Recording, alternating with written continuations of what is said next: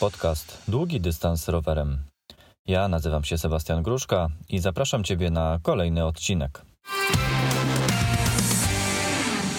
W dzisiejszym odcinku opowiem Wam o tym, jak ubierać się zimą i czy jazda zimą pomaga w przygotowaniach do ultramaratonów. Na sam początek, nim przejdę do tematu głównego, chciałem Wam bardzo serdecznie podziękować za e, wszystkie 95 łącznych odsłuchań mojego podcastu. E, jeśli wierzyć dobrze statystykom, e, na dzień dzisiejszy jest 32 osoby, które słuchają aktywnie mojego podcastu. Uważam, że jak na pierwszy tydzień działalności mojej podcastowej, to naprawdę całkiem fajny wynik. E, dla porządku chcę Wam podsumować, że mm, mój podcast dostępny jest na e, łącznie ośmiu platformach i wymienię po kolei. E, jest to Apple Podcasts, Breaker, Castbox, Google Podcasts, Overcast, Pocket Casts, Radio Public, Stitcher i Spotify. Według statystyk co mnie w sumie y, nie wiem, czy powinno mnie to dziwić. Natomiast y, jeśli znowu wierzyć statystykom, e, okazuje się, że jestem słuchany także w Stanach Zjednoczonych i na Wyspach. E, no i nie wiem, ile w tym jest prawdy, natomiast jeśli faktycznie tak y, jest, to bardzo serdecznie pozdrawiam Polonię poza granicami Polski. Jest mi bardzo miło, że, że mnie słuchacie. A może chcecie się uczyć języka polskiego i jakimś dziwnym trafem akurat znaleźliście mój podcast. Przechodząc dalej, e, jeśli chodzi o takie podsumowania i sprawy porządkowe, chcę Wam powiedzieć, że w najbliższych dniach uruchomię podstronę, mm, która będzie dedykowana e, podcastom moim autorskim, mm, podstronę w ramach strony długidystansrowerem.pl. Myślę, że to powinno nastąpić w przeciągu kolejnego tygodnia. A o aktualnościach na pewno się dowiecie z chociażby z Instagrama czy z Facebooka. E, chcę Wam jeszcze przedstawić, bo takiej okazji jeszcze nie było, chcę Wam przedstawić moje pomysły na rozwijanie tego podcastu. E, w pierwszym takim założeniu, e, kiedy myślałem o tym, żeby wystartować z podcastem, miałem taką wizję, żeby każdy odcinek pokazywał mój kolejny krok w przygotowaniach do Bałtyk Bieszczady Tour. Natomiast okazuje się, że mm, piszecie do mnie w różnych tematach, e, szukacie porad mm, od e, osób bardziej doświadczonych od siebie i doszedłem do wniosku, że mm, muszę w pewien sposób zmodyfikować swój pierwotny pomysł, e, bo chcę też, żeby częściowo ten podcast powstawał z Waszym udziałem. I w związku z tym, tą moją całą drogę przygotowań do BBT e, będę przeplatać tematami bieżącymi. I właśnie dlatego w dzisiejszym odcinku opowiem Wam o tym, jak ja ubieram się zimą. Mamy początek lutego i e, no, jest to jeszcze taki moment, kiedy część z Was boi się wyjść na, na zewnątrz, pojeździć na rowerze, albo czuje z tym e, związany bardzo duży dyskomfort. To wynika po prostu z, pan, z, z panującej aury za oknem. W ramach tego podcastu, mm, jeśli chodzi o plany na, na przyszłość, mm, Mam w zanadrzu zaplanowane mm, spotkania z gośćmi, także to też nie będzie podcast, y, w którym tylko i wyłącznie ja będę Wam przemawiał, e, ponieważ y, wiem, że jest też sporo osób, które mają więcej doświadczenia ode mnie, startowały w różnych innych e, ultramaratonach niż, niż ja i uważam, że to też jest bardzo fajna mm, szansa do tego, żeby te osoby mogły Wam opowiedzieć o swoich doznaniach z, z tras, z innych maratonów. E, na tą chwilę Mam wstępnie zaplanowane spotkanie z kolegą, który w 2019 roku przejechał e, ultramaraton Paryż-Brest-Paryż. A na obecny rok 2020 ma zaplanowane kolejne bardzo inspirujące pomysły, e, więc Myślę, że będzie to bardzo ciekawy dla Was odcinek. Nie wiem jeszcze dokładnie, w którym numerze odcinka to będzie. Natomiast y, już na ten moment mogę zadeklarować, że faktycznie takie spotkanie wstępne z kolegą mam zaplanowane. Kwestia tylko tego, żebyśmy się umówili na konkretny dzień i w końcu to nagrali. Z kolejnych tematów, które też mam w zanadrzu, przygotowane w, i, i, zapisane do, do zrealizowania, to jest spotkanie z psychologiem. I to jest celowo spotkanie z, z, psychologiem, ponieważ moim celem jest też omówienie i, i, i posłuchanie porad y, osób, które mają doświadczenie takie, nazwijmy to naukowo-psychologiczne, e, które będą w stanie czy mi, czy, czy również y, Wam y, opowiedzieć, w jaki sposób możemy sobie poradzić z wielogodzinnym zmęczeniem, które towarzyszy podczas y, jazdy na rowerze w ultramaratonach. E, może uda nam się też odkryć jakieś patenty na senność i sposoby na nudę. Będę także chciał powiedzieć o odżywianiu. E, na ten temat mam sporo własnych doświadczeń i, i przemyśleń, e, również opartych o, mm, o materiały e, z książek czy, czy z internetu, ale mam nadzieję, że na ten temat uda mi się również znaleźć dietetyka, który również swoją, swoją radą, swoim doświadczeniem i i, i y, edukacją i, i, wiedzą, e, będzie w stanie uzupełnić ten odcinek również tak ze, ze swojej takiej strony, mm, nazwijmy to naukowej. E, w związku z tym, jeśli znacie jakiegoś psychologa i dietetyka, e, to koniecznie dajcie mi znać, bo szukam takich osób. Na dzień dzisiejszy jeszcze nie mam znalezionych konkretnych osób, z którymi już mógłbym się umawiać, natomiast robię pewien research Mm, a jeśli faktycznie znacie taką osobę, która byłaby otwarta do tego, żeby porozmawiać i do tego, żeby podzielić się swoimi mm, uwagami czy, czy swoją wiedzą, to również będzie mi bardzo miło, jak faktycznie dacie mi znać.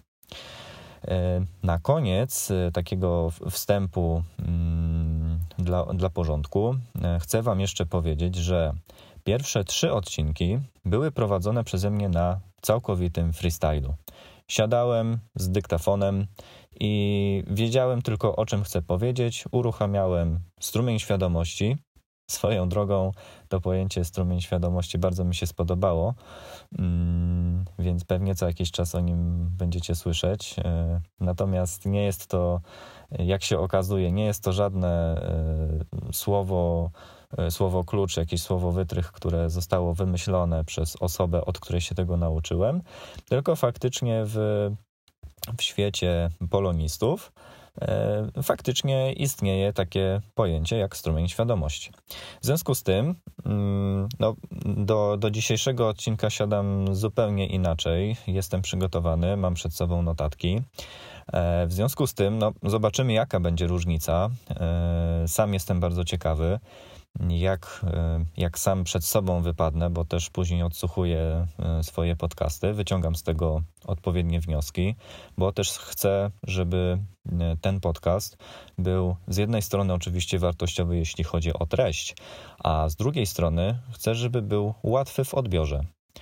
Więc y, bardzo Was proszę, koniecznie dajcie mi znać po odsłuchaniu tego odcinka, jakie są Wasze wrażenia, czy zauważacie faktycznie mm, różnice i czy jest to różnica na plus czy na minus. Jeśli macie jakieś sugestie, propozycje, co mógłbym jeszcze zmienić, poprawić, to koniecznie dajcie mi znać.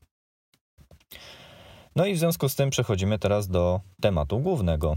Jak ja ubieram się zimą? E, mamy, tak jak już wspominałem wcześniej, mamy początek lutego. E, celowo w tym sezonie zimowym e, postanowiłem sobie, że będzie to dla mnie kolejne wyzwanie, z którym chcę się zmierzyć. Mam na myśli wyzwanie związane z tym, żeby całą zimę jeździć rowerem. I tutaj konkretnie chodzi mi o jazdę rowerem do pracy. I ten, kto faktycznie mnie obserwuje, czy to na strawie, czy to na Instagramie, ten doskonale wie, że codziennie jeżdżę do pracy rowerem. No, albo prawie codziennie, bo bywają takie pojedyncze dni, gdzie z różnych powodów niestety muszę rower odstawić na bok i pojechać do pracy samochodem. Natomiast z takiej jazdy rowerem z każdego dnia codziennie wychodzą mi 42 km. I jeśli chodzi o takie moje pierwsze wskazówki i pierwsze obserwacje, które sam zauważyłem na, na swoim organizmie, chcę, żebyście wiedzieli, że trzeba pamiętać, że nasz organizm bardzo się adaptuje do nowych warunków i wykonuje to w sto, sposób stopniowy. E, ja sam jeszcze mm, no, pewien czas temu, to mm, można było spojrzeć wstecz do okresu kwiecień 2019, mm, kiedy to miałem do dyspozycji długie rajstopy, e, rajstopy kolarskie, ale to nie były ocieplane rajstopy, tylko one miały za zadanie chronić moje nogi przed deszczem i przed wiatrem. Y, więc dochodziło do takich sytuacji, że e, w tych rajstopach byłem w stanie sobie jeździć w miarę komfortowo mm, w temperaturach około 6 do 10 stopni Celsjusza. E, gdzieś tak od 10-12 to już zaczynałem się w tych e, rajstopach gotować.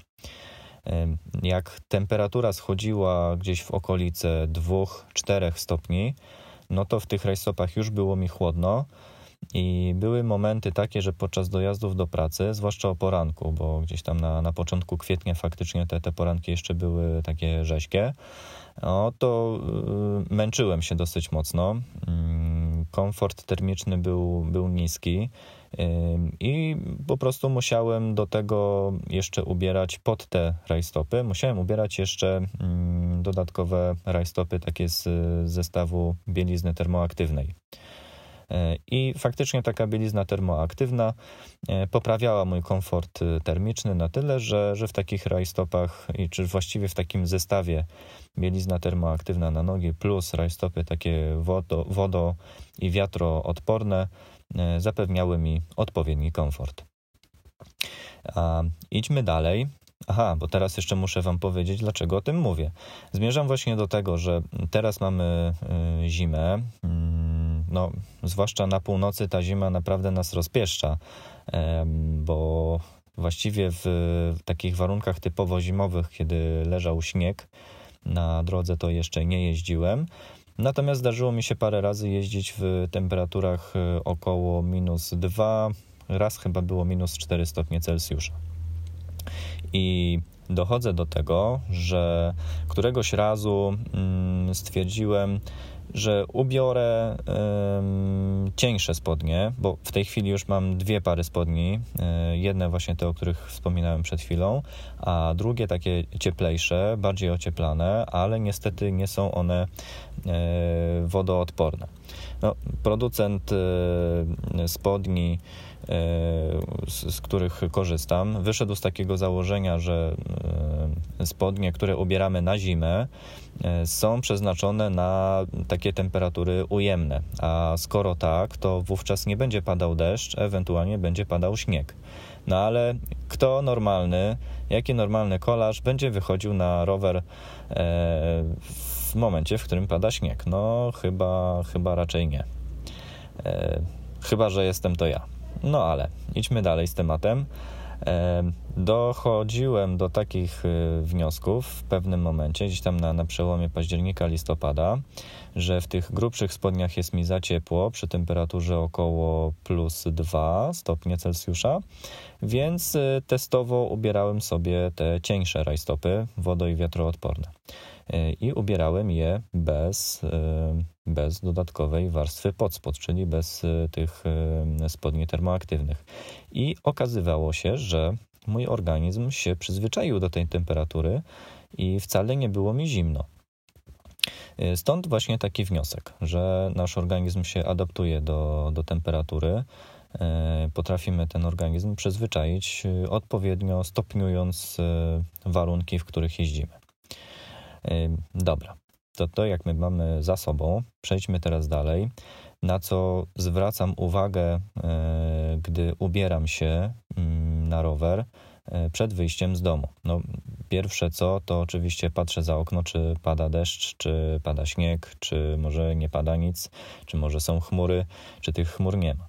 A dlaczego patrzę na to w ogóle, czy, czy są chmury? No bo okej, okay, z jednej strony, jeśli są chmury, no to może i pada deszcz, ale w okresie takim jesienno-zimowym, e, czy już w takiej zimie, jaką mamy w tej chwili, mm, no to okazuje się, że pomimo tego, że chmury są, to raczej rzadko kiedy coś z tych chmur pada. I jakie to ma znaczenie? No, znaczenie ma to takie, że jak są chmury, to jest spora szansa, że powietrze będzie cieplejsze niż jakby tych chmur nie było. E, nie wiem na ile y, moja teoria pokrywa się z prawdą, e, co do której mogliby się podpisać meteorolodzy czy, czy inni E, czy, czy inne osoby, które się znają na, na zjawiskach e, pogodowych. Natomiast e, wychodzę z takiego założenia, że jeśli są chmury, to ciepło, które oddaje Ziemia, zatrzymuje się na, na, tych, na tych chmurach, więc to ciepło nie jest w stanie tak szybko uciec w górę, czyli ostatecznie ta temperatura jest wyższa. W związku z tym, mm, wiem już, że jeśli są chmury, no to mogę się nastawiać na to, że będzie troszeczkę cieplej niż jakby tych chmur nie było. Kolejną rzeczą, którą sprawdzam, e, no to oczywiście aktualna temperatura powietrza. Mm, a ponieważ za oknem w okresie zimowym jest ciemno, no to przez okno nie dopatrzę sobie temperatury na, na termometrze, który mam, mam przyczepiony do okna. E, więc y, patrzę sobie po prostu w temperaturę, mm, jaką pokazuje mi aplikacja pogodowa w moim telefonie. I to gdzieś tam pokrótce się rzeczywiście e, sprawdza i się pokrywa. Kolejną kwestią to jest sprawdzenie prognozy pogody. Mm, ja to robię albo, w, albo rano, mm, zaraz jak wstanę, albo jeszcze dzień wcześniej, wieczorem, żeby wiedzieć, jak się przygotować na następny dzień. I bardzo Wam polecam Mm, sprawdziłem wielokrotnie portal meteo.pl, e, który jest utrzymywany przez e, Uniwersytet e, Warszawski. Stosują tam numeryczne prognozowanie pogody w oparciu o różne dane synoptyczne. Bardzo fajnie mi się to sprawdzało już wiele lat temu w żeglarstwie, żeby przewidzieć na przykład zmiany kierunku wiatru, czy tego, jak się będzie E, kształtował przebieg samej prędkości wiatru w ciągu dnia. E, I tak samo rzeczywiście, jeśli chodzi o na przykład prognozy opadów, e, również się fajnie to sprawdza. Ale muszę Was jeszcze uprzedzić, jeśli chodzi o mm, korzystanie z, ze strony meteo.pl i przewidywanie prognozu, przewidywanie opadów deszczu, musicie wziąć pewną poprawkę na ten wykres, który się tam pokazuje. E, I nawet na stronie z najczęściej zadawanymi pytaniami na meteo.pl jest taki jeden punkt z pytaniem, e, dlaczego na prognozie czy na meteogramie e, było pokazane, że będzie padać, a nie padało, albo w drugą stronę, dlaczego na meteogramie było pokazane, że nie będzie padać, a padało. No i to wynika już z samych y, metod numerycznych i wyliczania prognozy pogody. Okazuje się, że część opadów mają zupełnie inne podłoże niż e, takie, które wynika z przechodzącego frontu atmosferycznego. Postaram się Wam zamieścić notatkę do, do tego podcastu z odniesieniem właśnie do E, do tego pytania i do wyjaśnienia, jak sobie, jak sobie radzić z odczytywaniem takiej prognozy pogody. Mm, I w związku z tym, nawet w ramach odpowiedzi na tamto pytanie, mm, twórcy e, strony zamieścili informację, żeby dobrze mm, skorzystać również, dobrze by było skorzystać również z, z mapy takiej y, mapy synoptycznej, którą też mają dostępną na swojej stronie i to jest wtedy ona dostępna pod adresem mapy.meteo.pl. I tam rzeczywiście fajnie widać, w jaki sposób się chmurki przesuwają, widać, jak się będą przesuwały opady. I rzeczywiście, jako uzupełnienie tej podstawowej prognozy numerycznej, taka mapa pogodowa fajnie się sprawdza. Poza tym, jeśli chodzi o odczytywanie prognozy pogody, również zwracam uwagę na to, z jakiego kierunku wieje wiatr i z jaką siłą ten wiatr wieje. Mm, wiatr ma bardzo duże znaczenie, jeśli chodzi o odczuwanie temperatury, e, zwłaszcza na, na rowerze i zwłaszcza w sytuacjach, w których e, będziemy jechać z wiatrem bądź pod wiatr. No, myślę, że tutaj tego tłumaczyć jakoś szczególnie nie muszę. Natomiast tak, faktycznie zwracam uwagę na, na siłę i na kierunek wiatru oraz przy okazji jeszcze zwracam uwagę na wilgotność powietrza, bo i ta wartość również będzie miała znaczenie w tym, jak nasze ciało będzie odczuwało e, temperaturę. Więc oczywiście znowu, im wyższa wilgotność powietrza, tym musimy być przygotowani na to, że chociażby w nasze ciuchy e, wilgoć będzie mm, się wchłaniała bardziej lub mniej. No, to oczywiście jeszcze będzie zależało od e, samych ciuchów, które będziemy mieli ubrane, bo jeśli będziemy mieli y, odzież, która zapewnia nam dodatkową ochronę przed deszczem i przed wilgocią, no to oczywiście, że może mieć to mniejsze znaczenie, ale mimo wszystko warto mieć na uwadze właśnie też wilgotność powietrza.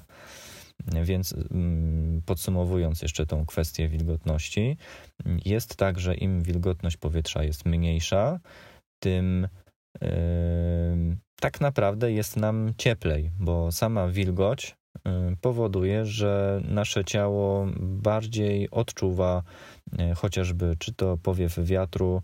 Y, no, najlepiej to sami na pewno doświadczyliście, chociażby mając ubraną jakąś koszulkę, no, zwłaszcza bawełnianą, w której się spociliście. I jeśli nawet lekko zawieje wiatr, no to jednak czujecie, że w tym miejscu, w którym jesteście spoceni, no to bardzo mocno mm, i wyraźnie odczuwacie ten wiatr, który tam gdzieś przewiewa między was.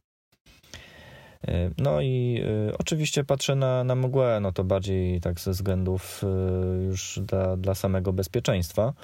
E, wiadomo, że jak jest mgła, no to trzeba być przygotowanym na to, że na przykład trzeba jechać trochę wolniej no, tak samo jak w deszczu. Jak spadnie deszcz, podczas jazdy w deszczu, e, sam też zachowuję e, większą uwagę. Biorę poprawkę na to, że e, droga hamowania się wydłuża, że w, na, na zakrętach też nie mogę się rowerem pochylać tak mocno, jakbym chciał. No i oczywiście trzeba wziąć jeszcze wtedy poprawkę na chociażby namalowane białe pasy na drogach rowerowych czy na jezdniach, po których jeżdżę. Idziemy dalej. E, jeśli chodzi o to, jak ja się ubieram, mm, no to ważne jest też to, żeby znać możliwości ciuchów, jakie mamy. Te, którymi dysponujemy i te, w których się ubieramy. E, bardzo prosty przykład. Mm, na początku jesieni, nawet na e, moim blogu pisałem artykuł, w którym, w którym odnosiłem się do tego, jak jeździć zimą i jak się ubierać. Mm, pisałem o tym, że kupiłem fajną kurtkę z Decathlonu. I rzeczywiście kurtka jest bardzo fajna, chociaż w ostatnim czasie mało z niej korzystam. A to właśnie dlaczego? Korzystam z niej mniej, ponieważ w rękawach ta kurtka ma zastosowane dwa różne rodzaje materiałów. I patrząc na rękaw mm, od strony mm, zewnętrznej, mm, ale mam na myśli od strony y, zewnętrznej, załóżmy, y, patrząc na lewą rękę, będzie to lewa część rękawa, czyli lewa strona, ta, ta, ta zewnętrzna patrząca na, na lewo. Tam jest materiał zastosowany taki, że on odpycha wodę i nie przepuszcza wiatru. Natomiast od strony wewnętrznej, czyli od tej części, yy, która może się stykać z tułowiem, gdyby ręka była wzdłuż tułowia, tutaj jest zastosowany inny materiał. Ten materiał jest przewiewny i on ma zapewniać lepszą cyrkulację powietrza i wentylację yy, ciała, między innymi pod pachami E, i ma ułatwiać też wymianę ciepła. I taka kurtka faktycznie jest fajna, e, ale do pewnej temperatury. No niestety, jeśli będziesz jeździł w tej kurtce mm, w temperaturach około plus 5 stopni i wyżej, to oczywiście taka kurtka będzie całkiem przyjemnie się sprawdzać. Natomiast w niższych temperaturach, niestety, ze względu na zastosowanie tego materiału, e, który mm, powoduje, że powietrze przenika w głąb i e, czuć go na skórze, e, przy niższych temperaturach po prostu taka kurtka się nie sprawdzi, będzie tobie zbyt zimno. I dlatego zamiast tej kurtki stosuję kurtkę, która którą, e, którą kupiłem rzeczywiście od, e, od producenta e, ciuchów, z którym współpracuję od pewnego czasu. I ta kurtka ma po prostu rękawy, znaczy generalnie na, na, całym, na, na, na całym materiale, na, na całej kurtce mm, materiał jest taki, że po prostu on nie przepuszcza powietrza i nie mam się czym martwić. E, no, podobnie jest ze spodniami, a tu już jest to, o czym mówiłem wcześniej, że, że znowu mam fajne, ciepłe spodnie, w których e, spokojnie sobie swobodnie jeżdżę. W tej chwili w tych temperaturach około minus 2 plus 4 e, stopnie Celsjusza. Natomiast jeśli do tego dochodzi deszcz, bo i w takich warunkach już mi się zdarzyło jeździć, to na te ciepłe spodnie ubieram jeszcze jedne spodnie. Właśnie ubieram te, te spodnie, te, te cienkie, mm, w których mógłbym jeździć przy wyższej temperaturze. Mm, I te cienkie spodnie, które mają za zadanie chronić mnie przed deszczem, to one rzeczywiście przy tej okazji chronią mnie przed deszczem.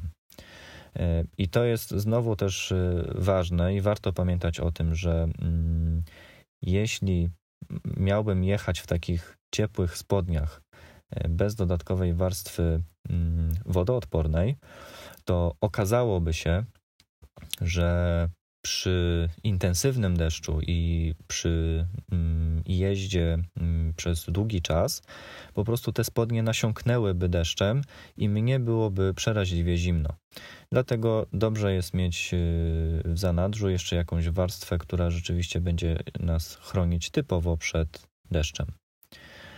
Jeśli chodzi o to, co ubieram w obecnych warunkach, bo mm, no, to też znowu jest temat trudny, bo każdy z nas ma inną tolerancję, jeśli chodzi o odczuwanie temperatury. Każdy z nas inaczej również się poci, a to mm, bezpośrednio wpływa na to, jak będziemy odczuwali temperaturę bo im bardziej nasza skóra będzie spocona, tym bardziej ona będzie wrażliwa na jakiekolwiek podmuchy wiatru. Ale tak, ale co ubieram? Bo o to też mnie pytacie. Co ubieram? No, załóżmy, że mamy temperaturę około 0 stopni.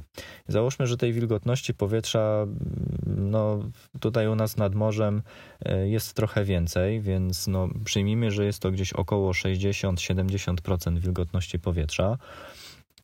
I przy obecnym zestawie mm, ciuchów, które mam, to ja ubieram na górę ciała, ubieram trzy warstwy. Ubieram koszulkę termoaktywną, e, którą kupiłem w Decathlonie i zgodnie z informacjami producenta, e, ona powinna zapewnić odpowiedni komfort termiczny w warunkach przy temperaturze od 0 do plus 10 stopni Celsjusza. To jest koszulka termoaktywna z długim rękawem e, i przylegająca. Na to ubieram koszulkę kolarską z krótkim rękawkiem, dokładnie taką samą, w której jeżdżę latem. I moglibyście zapytać, dlaczego taką koszulkę ubieram. E, cel właściwie jest bardzo prosty. Chodzi o to, że koszulka termoaktywna ma za zadanie utrzymać właściwą temperaturę ciała, odpychać całą wilgoć, która, mm, którą generuje skóra, i wypchnąć tą wilgoć na zewnątrz e, struktury materiału. W związku z tym ubieram na to właśnie koszulkę taką kolarską z krótkim rękawkiem, żeby ta wilgoć mogła się e, odłożyć również w takiej koszulce takiej zwykłej, takiej, w której jeżdżę faktycznie latem. E, dzięki temu przez dłuższy okres czasu koszulka termoaktywna zachowuje swoje dobre właściwości, jest po prostu sucha. I jako trzecią warstwę, już taką wierzchnią, ubieram po prostu kurtkę, e, która jest dodatkowo ocieplona, I jest to kurtka, która w zupełności mi wystarcza. Jest ona fajna, taka przylegająca. Też mi na tym zależało, żeby to był taki krój aerodynamiczny, bo bardzo dobrze się czuję w takim kroju. Mm, I rzeczywiście taka kurtka mm, zapewnia mi już odpowiedni taki finalny komfort termiczny. Przy okazji mam dla Was y, pewną podpowiedź, przy, gdybyście się zastanawiali nad y, kupnem y, kurtki, mm, czy to takiej na zimę, czy nawet na jakiś okres przejściowy, ale mielibyście do wyboru zamek. Czy ten zamek miałby być rozsuwany tylko od góry, czy również od dołu? To muszę Wam powiedzieć, że możliwość rozpinania zamka również od dołu jest y, bardzo fajnym pomysłem i bardzo mi się sprawdza właśnie w tej kurtce, którą w tej chwili mam. Mm, dzięki temu można w łatwy sposób y, wyregulować sobie mm, odczucia termiczne, e, bo zwłaszcza w takim okresie zimowym raczej nie lubię odkrywać sobie szyi. Mm, też mam dosyć wrażliwe gardło. Natomiast możliwość odkrycia brzucha i tak naprawdę utratę pewnej, e, pewnej ilości ciepła, które się zgromadziło pod kurtką, utratę przez brzuch, e, wydaje się być w miarę bezpiecznym i nawet, e, nawet takim przyjemnym, komfortowo rozwiązaniem. No dobra, myślę, że tyle jeśli chodzi o samą kwestię związaną z ubiorem. E, no, oczywiście do tego jeszcze dochodzą skarpetki, rękawiczki. E, I w sumie tak, mógłbym Wam jeszcze powiedzieć o, o rękawiczkach. Mam rękawiczki takie, które zapewniają mi w miarę dobry komfort termiczny, ale nie są całkowicie wodoodporne. E, za to troszeczkę je nie lubię, ale jakoś sobie z nimi radzę. Na nogi ubieram tak naprawdę zwykłe skarpety trekkingowe. To nie są nawet jakieś wyszukane skarpety kolarskie z jakiejś wełny merynosa. Nie, nic takiego nie mam. Są to zwykłe skarpety trekkingowe, mm, takie, które często ubieram też do, do butów trekkingowych, jak idę gdzieś w góry pochodzić, nawet latem. E, a przez to, że są grube, to po prostu lepiej lepiej izolują e, termicznie i no, lepiej wchłaniają pot na, na dłużej. Mm, taka wędrówka, czy właśnie na dłużej taka jazda rowerem e, wydaje się być komfortowa. Buty mam zwykłe, znaczy zwykłe mm, typu SPD, MTB, ale są to buty całoroczne, nie są to buty typowo zimowe. E, są to buty, w których jeżdżę na okrągło. Mm, no, kupiłem je teraz na, na jesieni, więc latem jeszcze w nich nie jeździłem. E, natomiast na tym rowerze jeżdżę w nich od, od jesieni, jeszcze jak było ciepło, około 10-12 stopni. Jeżdżę w nich również na spinningu mm, i w zupełności mi wystarczają. Na górę, jeśli chodzi o ochronę szyi, ubieram jeden do dwóch kominów, taki zrobiony z cienkiego materiału, mm, możliwy do kupienia za, za, za parę złotych. A na głowę wędruje czapeczka przy tem takich temperaturach około 5 do 10 stopni. E, bardzo fajnie mi się sprawdza czapeczka z Decathlonu za chyba 20 zł, jeśli dobrze pamiętam. W każdym razie czapeczka dla biegaczy, to jest taka czapeczka do, do biegania, ale jest zrobiona z takiego fajnego, cienkiego i jednocześnie ciepłego materiału, który bardzo szybko wysycha. E, zapewnia fajny komfort termiczny, nawet na, na uszy, na czoło. Mm, no i jeśli chodzi o kolarzy, to super pasuje pod kask. Mm, nic, y, nic nie przeszkadza. Taki kask można ubrać na, na taką czapeczkę e, bez żadnego problemu. Jak jest chłodniej, to też od pewnego czasu mam czapeczkę mm, od firmy, z którą współpracuję przy, przy ciuchach. E, jest to czapeczka, która ma dwie struktury materiału. Mm, jedna struktura to jest taka e, typowa membrana, która mm, chroni przed wiatrem, i to jest taki pas około 5-10 cm, e, który przylega do, do czoła i zasłania uszy. Natomiast górna część czapki jest zrobiona z materiału takiego przewiewnego, dzięki czemu mm, wymiana temperatury i odparowywanie potu jest, jest po prostu lepsze. Jest niestety jeden problem z tą czapką i właśnie związany z zastosowanym materiałem w górnej części. Chodzi o to, że przy takich bardzo wietrznych dniach powietrze, które wpada na, na tą czapeczkę od góry, po prostu e, w jakiś sposób e, podrażnia moją głowę i miałem już dwa razy taką sytuację, że miałem napięty mięsień w szyi po prostu od przewiania. I w związku z tym postanowiłem, że zacznę stosować dwie czapeczki. No i okazuje się, że można mieć ubrane dwie czapeczki. Właśnie najpierw ubierałem tą cienką, taką ciepłą czapeczkę dla, dla biegaczy. Na to ubieram czapkę, tą taką kolarską treningową e, i na to bez problemu wchodzi kask. Wciąż e, taki komfort e, jest zachowany. Kask nie ściska czaszki. Mm, można spokojnie jeździć. W sumie zapominam bardzo szybko o tym, że mam na głowie kaski, dwie czapki a na szyję wędrują jedna albo dwie bandany, no to już w zależności od tego, jakie są warunki i od tego, jak się czuję, to jest znowu kwestia do, do wypracowania samodzielnie. Chciałem Wam jeszcze powiedzieć o kwestie związane z techniką i sposobem jazdy podczas zimą, ale nie chodzi mi o to, żeby dostosować prędkość do tego, że jest na przykład ślisko albo nie.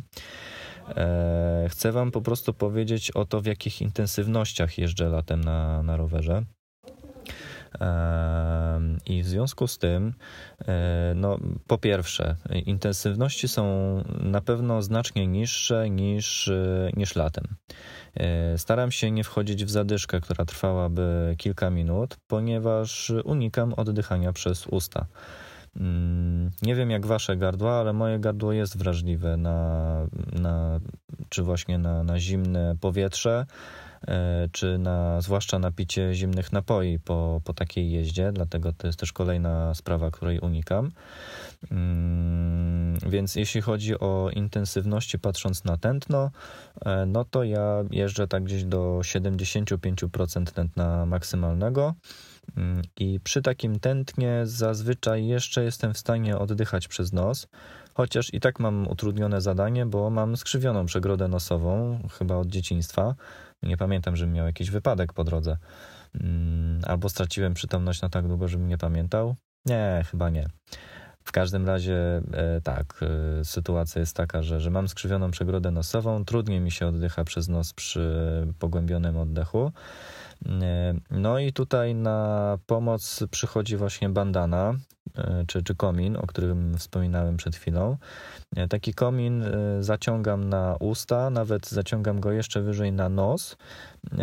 I w sumie, jak znowu popatrzycie pewnie na moje zdjęcia z Instagrama, czy to w relacje, czy, czy w posty, no to widać na tych zdjęciach, że wyglądam trochę jak ninja, bo cała twarz jest zasłonięta, a oczy są tylko odkryte. E, zasłonięte jedynie okularami. Więc e, taką bandanę czy, czy taki komin mam naciągnięty na, na policzki, e, mam naciągnięty też częściowo na uszy, żeby dobrze zasłonić uszy od wiatru i generalnie dążę do tego, żeby maksymalnie ochronić zatoki przynosowe, zatoki te, które są na, na, na czole, bo to są takie bardzo wrażliwe miejsca, od których można się nieźle rozchorować. E, jak sobie radzę z zimnem w, w dłonie, bo i z tym mam problem. E, I na to mam kilka, kilka pomysłów, które sobie to testuję, i część z nich właściwie ma, ma całkiem fajne e, zastosowanie. Po pierwsze, zdarza mi się, że robię sobie kilka sprintów. Sprinty, no oczywiście, nie takie długie, żeby znowu jechać nie wiadomo jak długo w, w zadyszce, ale chodzi o to, żeby sobie podbić tętno na, na chwilę, rozgrzać organizm mocniej, a poza tym, kiedy robimy sprinty, ja mam na myśli sprint w korbach, tak? czyli wstajesz z roweru i naciskasz na, na korby maksymalnie, bujasz trochę rowerem, przy tej okazji ściskasz mocniej kierownicę e, i w związku z tym e, poprzez to, że pracujesz też mocniej rękoma niż e, siedząc po prostu luźno na, na siodełku, to, to okazuje się, że y, można sobie fajnie rozgrzać ręce. E, drugim sposobem, który jest właściwie uzupełnieniem sposobu pierwszego, e, po kilku kilometrach, a w moim przypadku się to zdarza, że jest to po 10 kilometrach, e, ja po tych 10 kilometrach zatrzymuję się na około 2-3 minuty na molo w Brzeźnie żeby zrobić jakąś fotkę, wrzucić do, do relacji, pokazać Wam, czy już wschody słońca o 6.30, 6.40 są widoczne nad zatoką, czy jeszcze E, no i w związku z tym przy tej okazji zdejmuję rękawiczki e, i właściwie zauważyłem, że zdjęcie rękawiczki nawet na, na, na minutę, żeby chwycić telefon w rękę, daje fajne, taki pozytywny pozytywny efekt zwrotny, e, bo ręka czy, czy dłoń w pewnym momencie odczuwa po prostu niższą temperaturę niż taka, która była w rękawiczce. E, I okazuje się, że po założeniu rękawiczki później w te dłonie robi się po prostu cieplej. E, I jeszcze mam jeden patent, który no, nie do końca mi się sprawdza, ale czasami go stosuję, tak mm, licząc na to, że może tym razem zadziała. To jest y, zaciskanie dłoni na kierownicy. Zdarza mi się po prostu, że jadąc y, sobie mm, jakimś swobodnym tempem, trzymam ręce na, albo na łapach, albo bardziej na, mm, na, na tej, na, na belce poprzecznej kierownicy. E, i sobie ręce zaciskam, rozluźniam, zaciskam, rozluźniam, licząc na to, że właśnie taka praca rąk na, na kierownicy spowoduje, że pobudzę trochę krążenie e, i być może w ręce stanie się trochę, trochę cieplej. Nie zawsze to działa, ale czasami faktycznie fajnie jest to sobie zrobić. E, mam jeszcze problem z zimnymi palcami u stóp.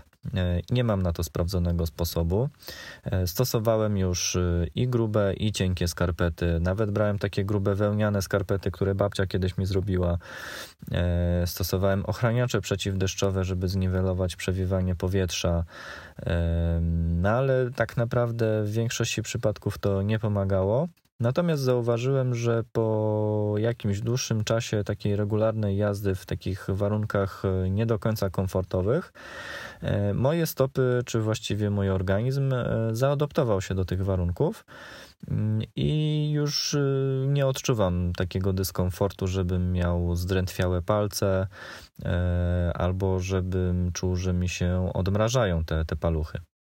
Jedyne o czym tylko musicie pamiętać to na pewno to, żeby nie zaciskać mocno e, zapięcia e, w butach, bo im mocniej e, zapniecie klamry czy, czy rzepy na butach, tym spowodujecie, że krążenie krwi w stopach będzie, będzie pogorszone.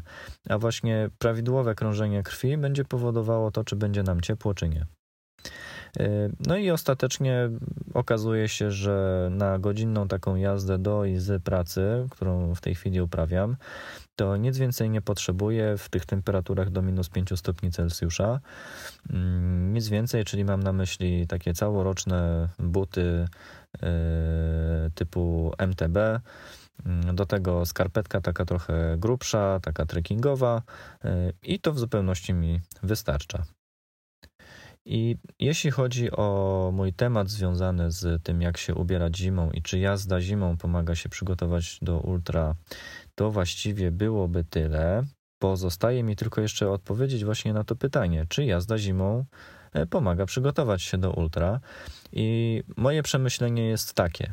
E, znaczy, na pewno tak. Uważam, że na pewno e, warto jest pojeździć zimą i to nie jeden, dwa razy, a raczej e, przymierzyć się do tego, żeby spróbować w miarę regularnie jeździć chociażby do pracy czy, czy na jakieś przejażdżki, zależnie od tego, jak możecie sobie na to pozwolić.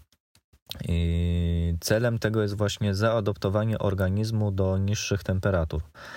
Mm, ja kiedyś bardzo się bałem jeżdżenia w temperaturach poniżej plus 15 stopni Celsjusza.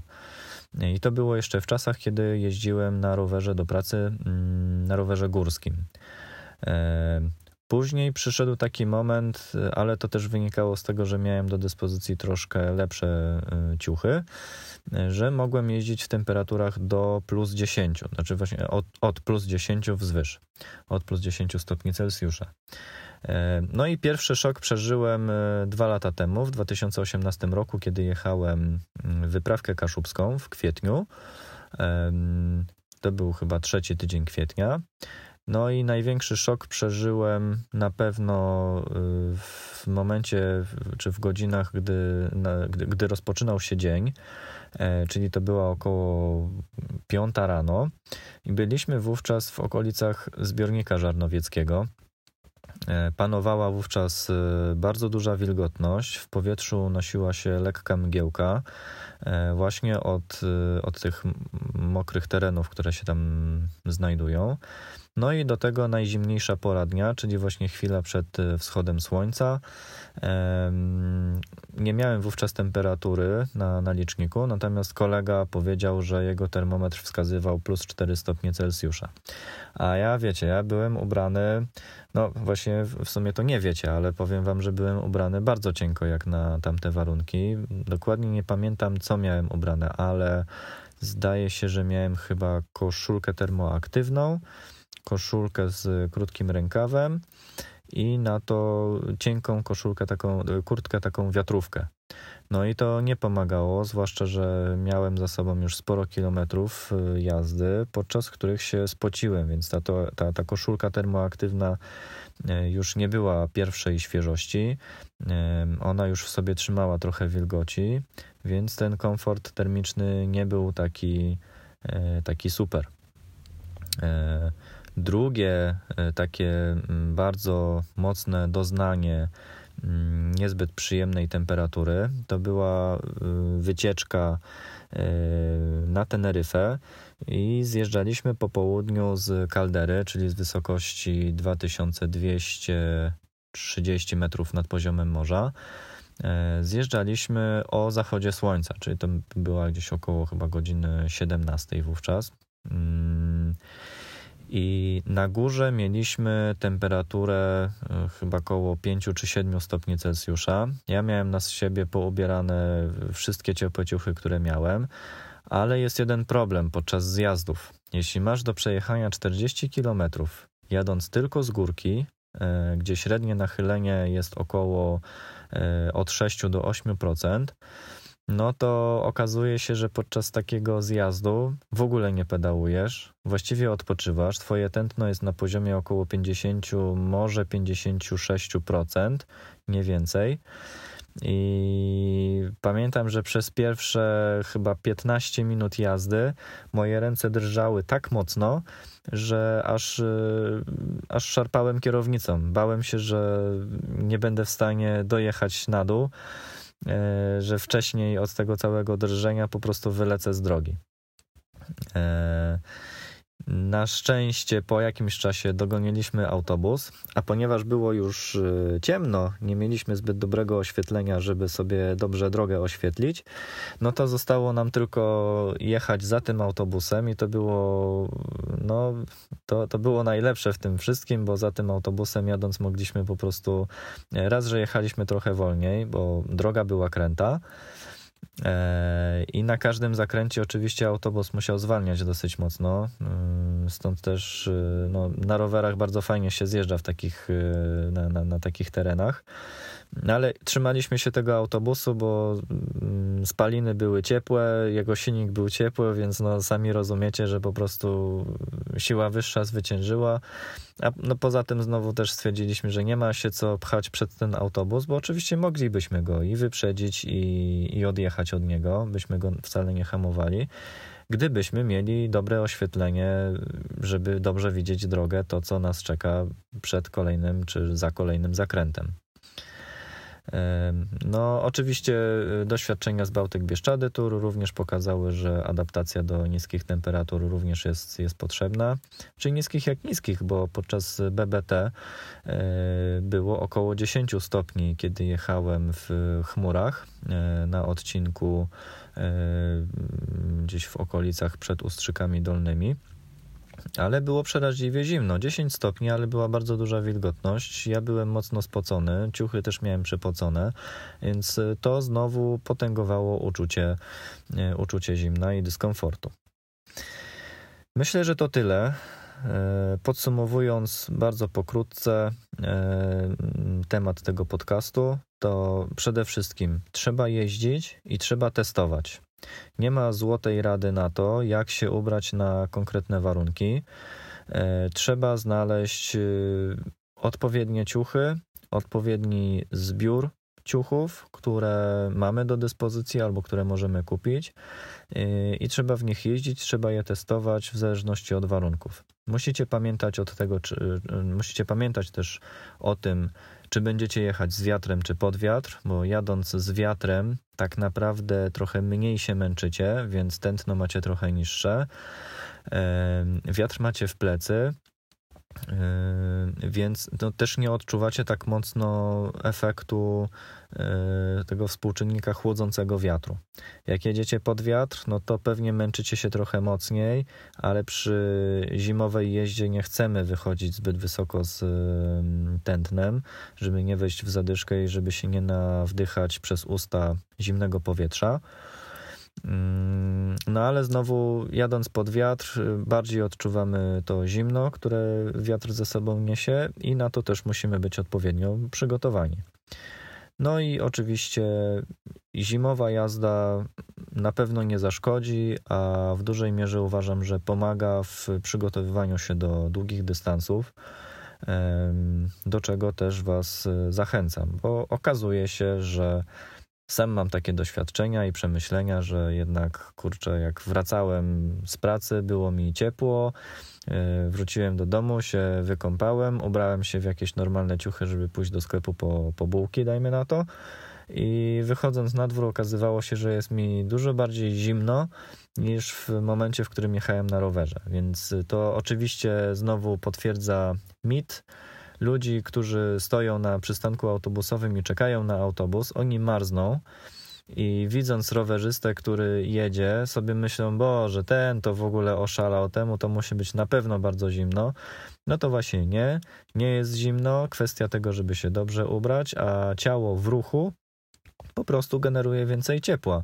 Więc jeśli stoisz na przystanku autobusowym i widzisz takiego rowerzystę, to możesz mu zazdrościć, bo jemu na pewno jest cieplej niż tobie. Na koniec pozostaje mi powiedzieć, że znajdziecie mnie na stronie internetowej długidystansrowerem.pl oraz na Instagramie i Facebooku. E, zwłaszcza polecam Wam śledzenie mojej aktywności na Instagramie, ponieważ od pewnego czasu bardzo spodobało mi się to medium społecznościowe i dużo się tam dzieje na moim profilu. E, mój profil znajdziecie Seba on Bike. Facebook oczywiście w dalszym ciągu istnieje. Facebook jest e, mocno powiązany z blogiem, więc na Facebooku na pewno znajdziecie informacje o nowych postach. E, a propos informacji o nowych postach, e, podpowiem i przypomnę, że wchodząc na moją stronę internetową, pokaże się Wam formularz, w którym możecie wpisać swoje imię i adres mailowy. E, ja gromadzę Wasze adresy mailowe po to, żeby wysyłać Wam informacje o nowych e, postach na blogu. Mm, a jak e, zostawicie swój adres mailowy, to w ramach podziękowania otrzymujecie ode mnie też do pobrania plik PDF z kilkoma cennymi poradami dla ultrakolarzy. W notatce do tego, mm, w notatce do, do tego podcastu znajdziecie link do artykułu na moim blogu, w którym pisałem o tym, jak jeździć i w co się ubrać zimą. Jest tam kilka produktów, z których korzystam, sprawdzam je na sobie i uważam, że po prostu są godne zainteresowania.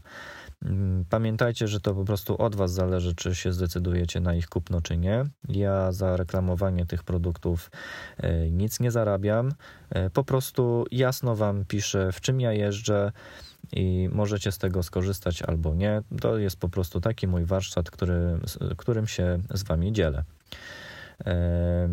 I w związku z tym pamiętajcie, że dzielę się swoimi radami tutaj w takiej formie, w jakiej słyszycie. Robię to zupełnie za darmo i dla, e, również dla, dla samego siebie, żeby zobaczyć i rozwinąć e, również mm, bloga od tej strony takiej audio.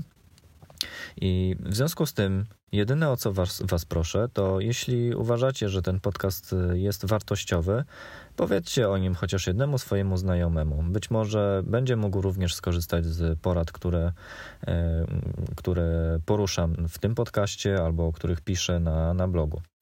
E, bardzo Was również proszę o to, żebyście zostawili mi ocenę i napisali recenzję na Apple Podcasts. E, dzięki temu mam szansę dotrzeć po prostu do nowych osób i pomóc im e, również w takiej samej formie, jak i pomogłem Wam. E, w dzisiejszym odcinku to już wszystko.